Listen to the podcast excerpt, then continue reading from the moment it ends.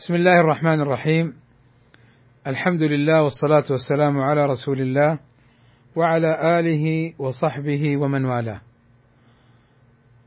وبعد فأتدارس معكم علوم الحديث في كتاب الحافظ ابن حجر نزهة النظر في توضيح نخبة الفكر. نبدأ الليلة إن شاء الله تعالى في قراءة الكتاب. يقول الحافظ ابن حجر رحمه الله تعالى الحمد لله الذي لم يزل عليما قديرا حيا قيوما سميعا بصيرا وأشهد أن لا إله إلا الله وحده لا شريك له وأكبره تكبيرا. وصلى الله على سيدنا محمد الذي أرسله إلى الناس كافة بشيرا ونذيرا. وعلى آل محمد وصحبه وسلم تسليما كثيرا. هنا تنبيه على قوله على سيدنا محمد. هذا اصطلاح حادث. لم يعرف في الأحاديث النبوية ولم يعرف على لسان السلف أنهم كانوا يقولون سيدنا رسول الله أو صلى الله على سيدنا. ونبه الألباني وغيره من أهل العلم إلى أنه لا يشرع في الصلاة على النبي صلى الله عليه وسلم زيادة سيدنا. نعم هو سيد ولد آدم صلى الله عليه وسلم ولا فخر كما في الحديث. هو قالها لكن هل عندنا في أثر واحد عن صحابي فمن بعده من التابعين أو أتباع التابعين. أنهم قال صلى الله على سيدنا رسول الله. فلا شك أن الأفضل تركها أن المشروع بخلافها. فلا تذكر لأننا نتبع ولا نبتدع. خاصة أن الصلاة على النبي صلى الله عليه وسلم من باب الذكر والأذكار. وباب الذكر والأذكار لا تجوز الزيادة فيها. قال العلماء ثلاث أنواع في الحديث النبوي لا تروى بالمعنى ولا تجوز الزيادة فيها. النوع الأول جوامع الكلم. النوع الأول جوامع الكلم. الأحاديث ذات الألفاظ القليلة والمعاني الكثيرة. الباب الثاني باب الأحاديث القدسية. الباب الثالث باب الأذكار كما في حديث البراء. فالصلاة على النبي صلى الله عليه وسلم لا تشرع زيادة كلمة سيدنا. لا انتقاصا من الرسول صلى الله عليه وسلم. فهو سيد ولد آدم. ليس فقط سيد أمته سيد ولد آدم كما أخبرنا بذلك. ولكن ما علمنا أن نقول اللهم صل على سيدنا محمد.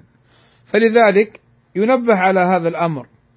طيب قال أما بعد ويقولون أن كلمة أما بعد كلمة تستعملها العرب من الانتقال من شيء إلى شيء.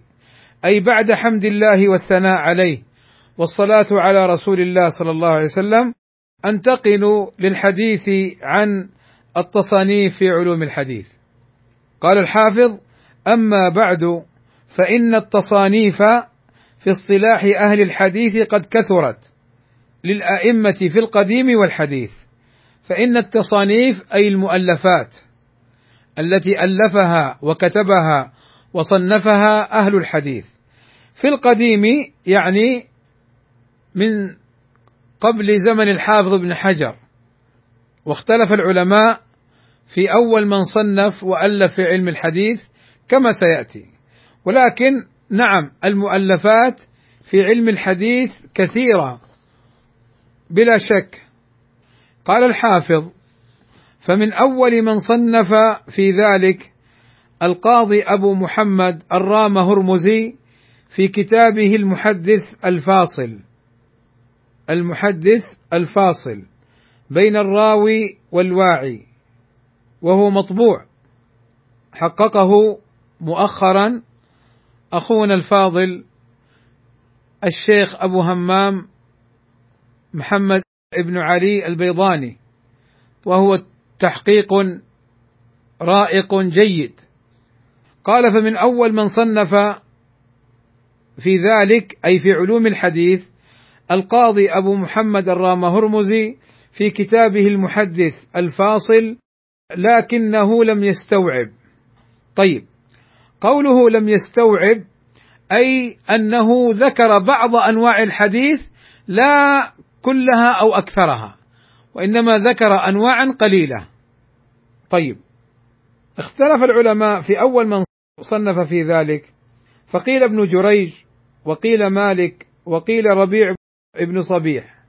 طيب إذا قيل مالك أو ابن جريج أو الربيع بن صبيح كيف يقول الحافظ ابن حجر؟ أول من صنف في ذلك القاضي أبو محمد الرام هرمزي والقاضي الرام هرمزي مات متاخرا رحمه الله تعالى. القاضي الرام هرمزي مات متاخرا في القرن الرابع في القرن الرابع 386 أو حولها تقريبا. فالجواب عن ذلك أن المؤلفات قبل القاضي كانت في علوم الحديث ولكن كانت في مسألة ومسائل ورسائل متفرقة صغيرة جدا.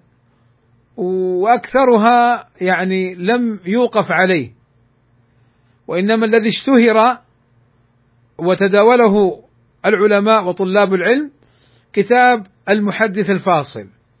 ولأنه جمع فيه عدة أنواع من أنواع علوم الحديث وإن لم يستوعب. فلذلك كأنه يقول أول من صنف في ذلك أي في علوم الحديث تصنيفا جامعا لعدة مباحث مع عدم استيعابه. ثم قال والحاكم أبو عبد الله النيسابوري لكنه لم يهذب ولم يرتب.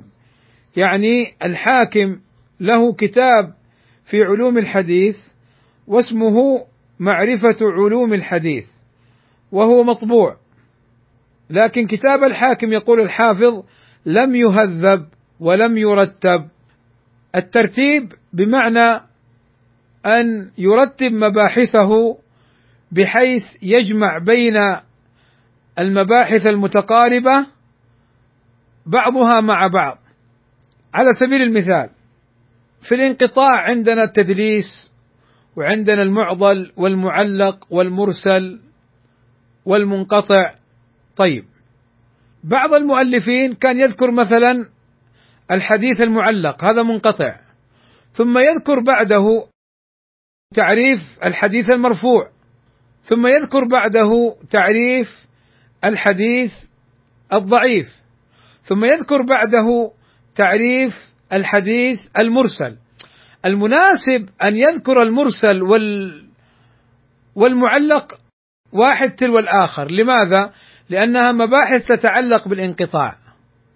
والمرفوع يذكره مع الموقوف والمقطوع لأنها مباحث تتعلق بنوع الخبر المنقول. هل هو عن الرسول؟ مرفوع. هل هو عن الصحابة؟ موقوف. هل هو عن التابعين؟ فمن بعدهم مقطوع. اذا هذا هو الترتيب. بعضهم ما كان يرتب. لماذا ما كان يرتب؟ لأنهم كانوا في يعني تأليف في بدايات الأمر. لم يعني يؤلف من قبل فبالتالي يجمعون متفرقا غير مرتب من ناحية الموضوعات والمباحث وغير مهذب. ما معنى التهذيب؟ يعني أن يطيل بلا حاجة. والتهذيب تهذيب الكتاب حذف ما لا حاجة منه. حذف ما لا حاجة منه في الكتاب أو ما لا حاجة له في الكتاب. هذا معنى التهذيب. هذا معنى التهذيب. فكأن الحافظ ابن حجر يقول كتاب الرام هرمزي فيه آه، حاجة إلى الزيادة في مباحثه. مباحثه قليلة. وكتاب الحاكم يحتاج إلى أمرين. إلى ترتيب في الموضوعات وإلى اختصار في مواطن الإطالة. قال وتلاه أبو نعيم الأصبهاني فعمل على كتابه مستخرجا وأبقى أشياء للمتعقب.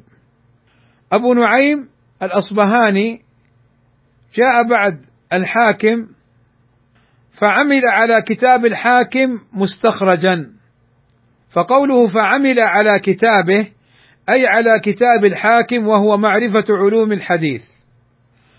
مستخرجا. ما معنى كلمة مستخرج؟ المستخرج عند المحدثين. انتبهوا س يعني أوضح لكم معناه باختصار وسيأتينا إن شاء الله في علم التخريج. المستخرج عند المحدثين يجي محدث آه، ويأخذ كتابا لأحد علماء الحديث. مثل الآن أبو نعيم الأصبهاني جاء وأخذ كتاب معرفة علوم الحديث للحاكم. طيب ماذا يفعل؟ يقوم أبو نعيم برواية جميع الأحاديث والآثار التي في هذا الكتاب لا عن طريق الحاكم ولكن بأسانيد أبي نعيم نفسه عن طريق شيوخه يلتقي مع شيخ الحاكم أو شيخ شيخه وهكذا. يلتقي مع شيخ الحاكم أو شيخ شيخه أو يلتقي مع نفس الصحابي. فاذا الاستخراج هو أن يروي تلك الأحاديث والآثار بأسانيد نفسه لا أسانيد المصنف نفسه. لو روى أبو نعيم الأحاديث والآثار عن الحاكم لكانت روايته نسخة ورواية لكتاب الحاكم. ولكن لما يرويها أبو نعيم من طريق شيوخه هو شيوخ أبي نعيم ورواياته هو يسمى مستخرجا. مثال آخر صحيح البخاري هناك مستخرج أبي نعيم ومستخرج البرقاني ومستخرج الإسماعيلي وغيرهم من علماء الحديث الذين استخرجوا على صحيح البخاري. واستخرجوا على صحيح مسلم واستخرج الطوسي على سنن الترمذي وهكذا. فإذا معنى كلمة المستخرج أن يأتي لكتاب لأحد العلماء فيرويه بأسانيده وطرقه أي الذي استخرج الكتاب. ولذلك قيل في تعريف المستخرج قيل في تعريف المستخرج هو أن يروي أحاديث وآثار كتاب معين بأسانيده أي المستخرج نفسه. فيلتقي مع إسناد صاحب المصنف لا من طريقه هو ولكن عن شيخه أو شيخ شيخه. وسيأتينا إن شاء الله بأكثر من ذلك في علم التخريج. طيب قال وأبقى أشياء للمتعقب. يعني يحتاج كتاب أبي نعيم إلى من يتعقبه مما فاته مما هو على شرطه يعني يكمله فيما نقص فيه. طيب كتاب أبي نعيم أنا لا أعلم يعني أنه طبع. قال ثم جاء بعدهما الخطيب أبو بكر البغدادي فصنف في قوانين الرواية كتابا سماه الكفاية الكفاية في علم الرواية وفي آدابها كتابا سماه الجامع لآداب الشيخ والسامع.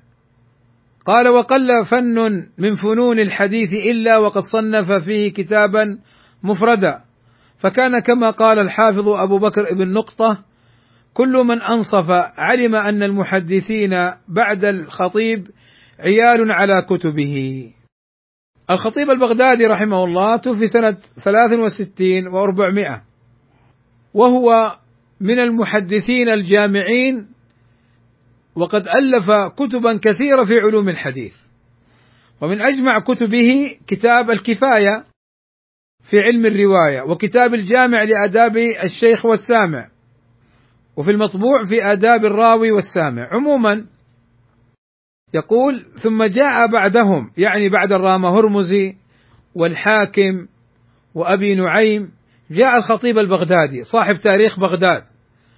أحمد بن علي أبو بكر البغدادي. حافظ إمام مصنف. ألف في قوانين يعني في قواعد علم الحديث ومصطلحه كتاب الكفاية. وألف في آدابها أي قوانين الرواية كتابا سماه الجامع لآداب الشيخ والسامع.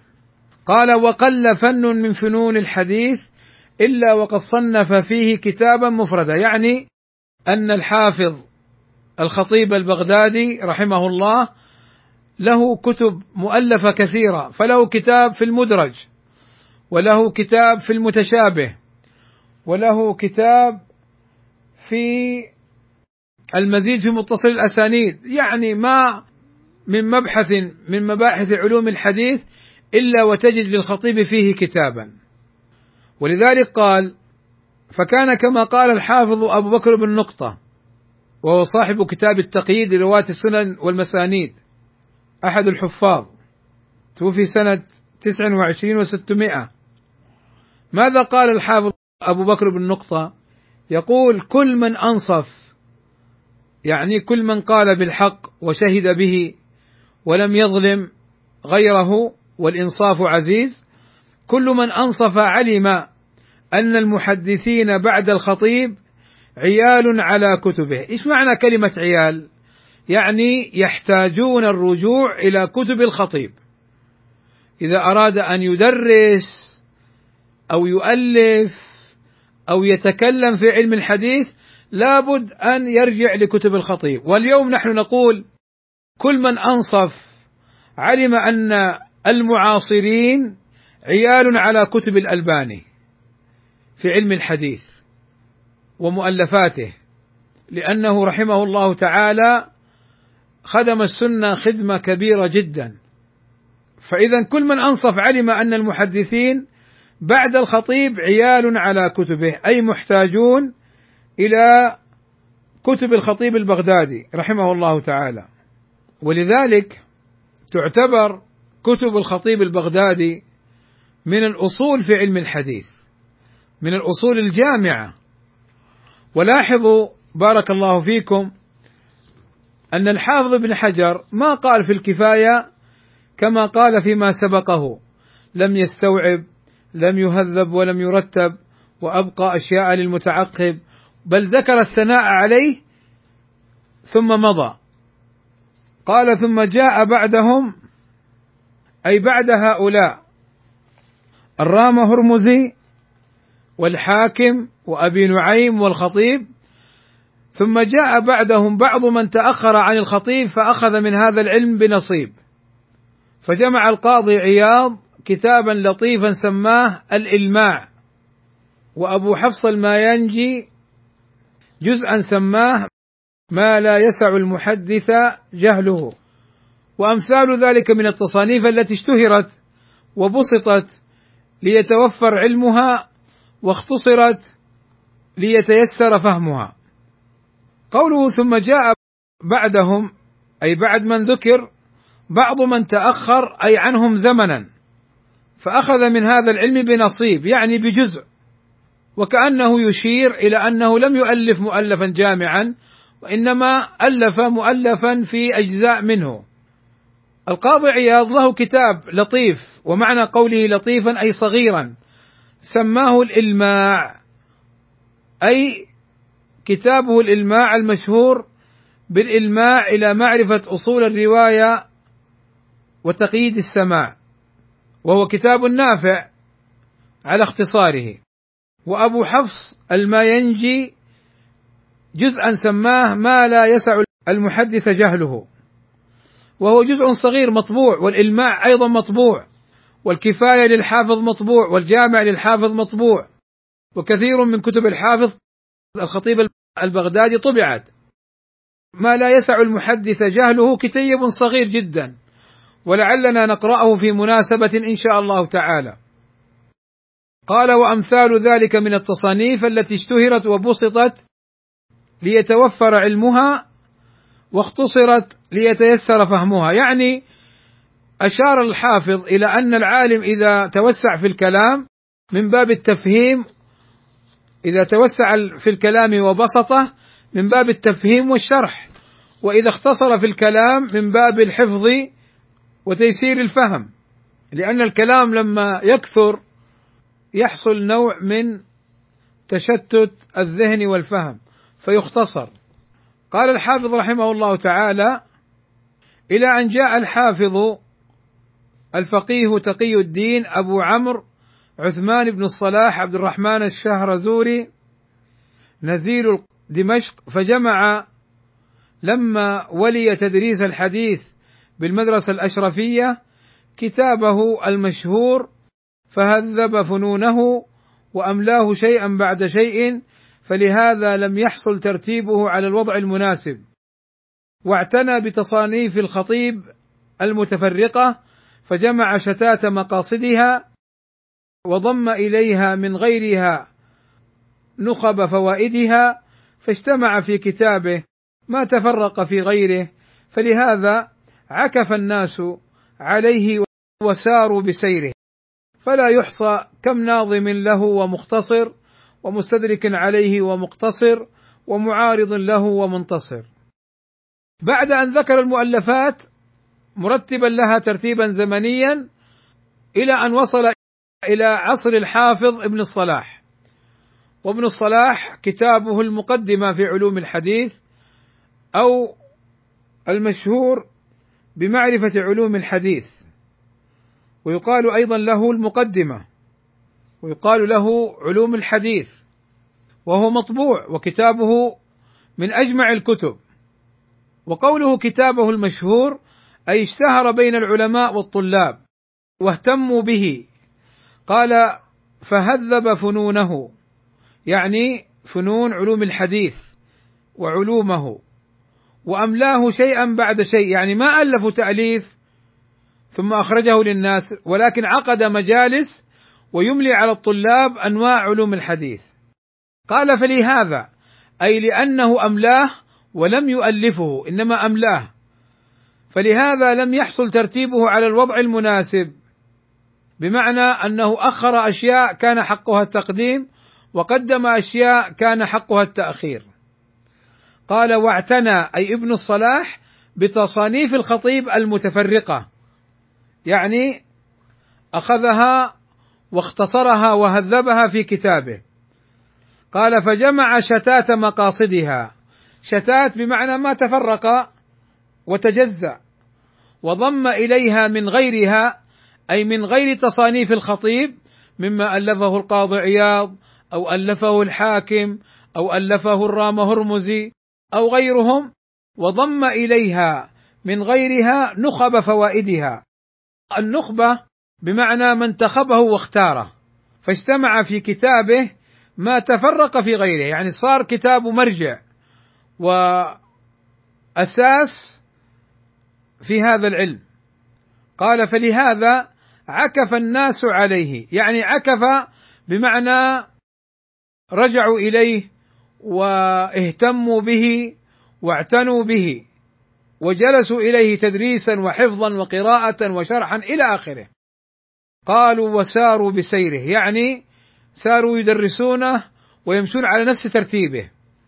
قال فلا يحصى كم ناظم له. يعني كم ناظم لعلوم الحديث لابن الصلاح فنظمها العراقي والسيوطي وغيرهما. ومختصر فاختصر علوم الحديث لابن الصلاح اختصره النووي واختصره ابن كثير. في كتابه اختصار علوم الحديث والنووي اختصر علوم الحديث لابن الصلاح في التقريب والتيسير ومستدرك عليه.